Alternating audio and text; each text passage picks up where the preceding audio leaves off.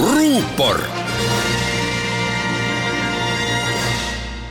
tere, mina olen ajakirjanik Ainar Ruussaar. üllatavalt hüppas meediasse arutelu selle üle, kas oktoobrikuised kohalikud valimised tuleks edasi lükata. seda juhul, kui pandeemia järgi ei anna või kui viirus uhub meid üle üha uute lainetega sellise arutelu ajendiks sai ilmselt Soome otsus lükata aprilli keskpaika kavandatud kohalikud valimised kaks kuud edasi, juuni keskpaika. oktoobrikuuni on veel aega küllalt, vahepeal on suvi ja vananaiste suvigi ning selles mõttes näib sügiseste valimiste võimalik edasilükkamine praegu asendustegevusena. kuidas selline teema üleüldse esile kerkis? võib ju kahtlustada, et tegemist on poliitilise spinniga, mille taga on toetust kaotanud Keskerakond sama mõtterada pidi edasi liikudes peaks toetust nautiv Reformierakond kindlasti valimiste edasilükkamise vastu olema. kui aga mängida sügiseste valimiste edasilükkamise mõttega, siis on nüansse, millega tuleks juba üsna varsti tegelema hakata. põhiseadus lubab valimised edasi lükata ehk valitavate võimuorganite volitusi pikendada siis, kui riigis kehtib erakorraline või sõjaseisukord see tähendab üheselt, et demokraatlikus riigis ei ole võimalik keskenduda erakondade poliitiliste programmide tutvustamisele või valimisi füüsiliselt läbi viia. kas viirus ohustab põhiseaduslikku korda?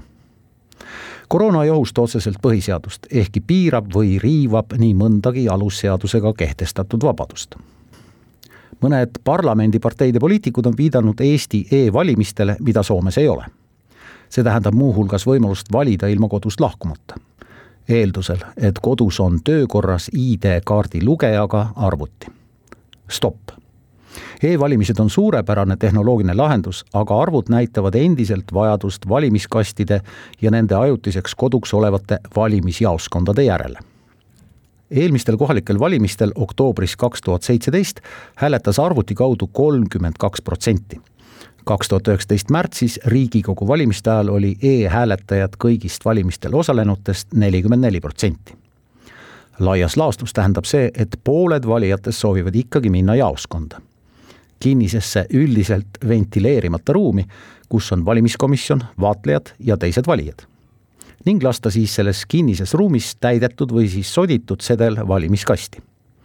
ka seadus kohustab võimaldada valimiskasti juures hääletamist pandeemiast tulenev valimistele tegelikult hoopis suurem hiiliv oht ja see on valimiskampaaniate korraldamine.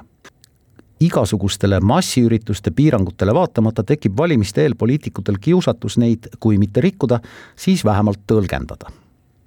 on erakondi ja poliitikuid, kellel on raha. on erakondi ja poliitikuid, kellel on rohkem. on neid, kellel on vähe. raha ja valimiskampaania vahel on paraku võrdusmärk Need, kellel raha on, püüavad valijate meeltesse tungida väli, tele, raadio, lehe ja veebireklaami kaudu. Need, kellel raha on vähem, käivad valijate uste taga kobistamas või jagavad turuväravas pastakaid ja näopildiga postkaarte. kohalike valimiste eel on kohalike elanike kohalikku kultuurimajja kokkuajamises saanud traditsioon. mida selle traditsiooniga peale hakata siis, kui viirus ei anna järele ja piirangud ei leevene täna julgen ma küll arvata, et lõplikult ei jää vahele suvi kaks tuhat kakskümmend üks ja edasi ei lükku ka kohalikud valimised oktoobris kaks tuhat kakskümmend üks. võib-olla on lihtsalt valimisjaoskondi tavapärasest rohkem ja ilmselt peavad e-valimiste turvajad olema tavapärasest suuremas valmisolekus. ruupor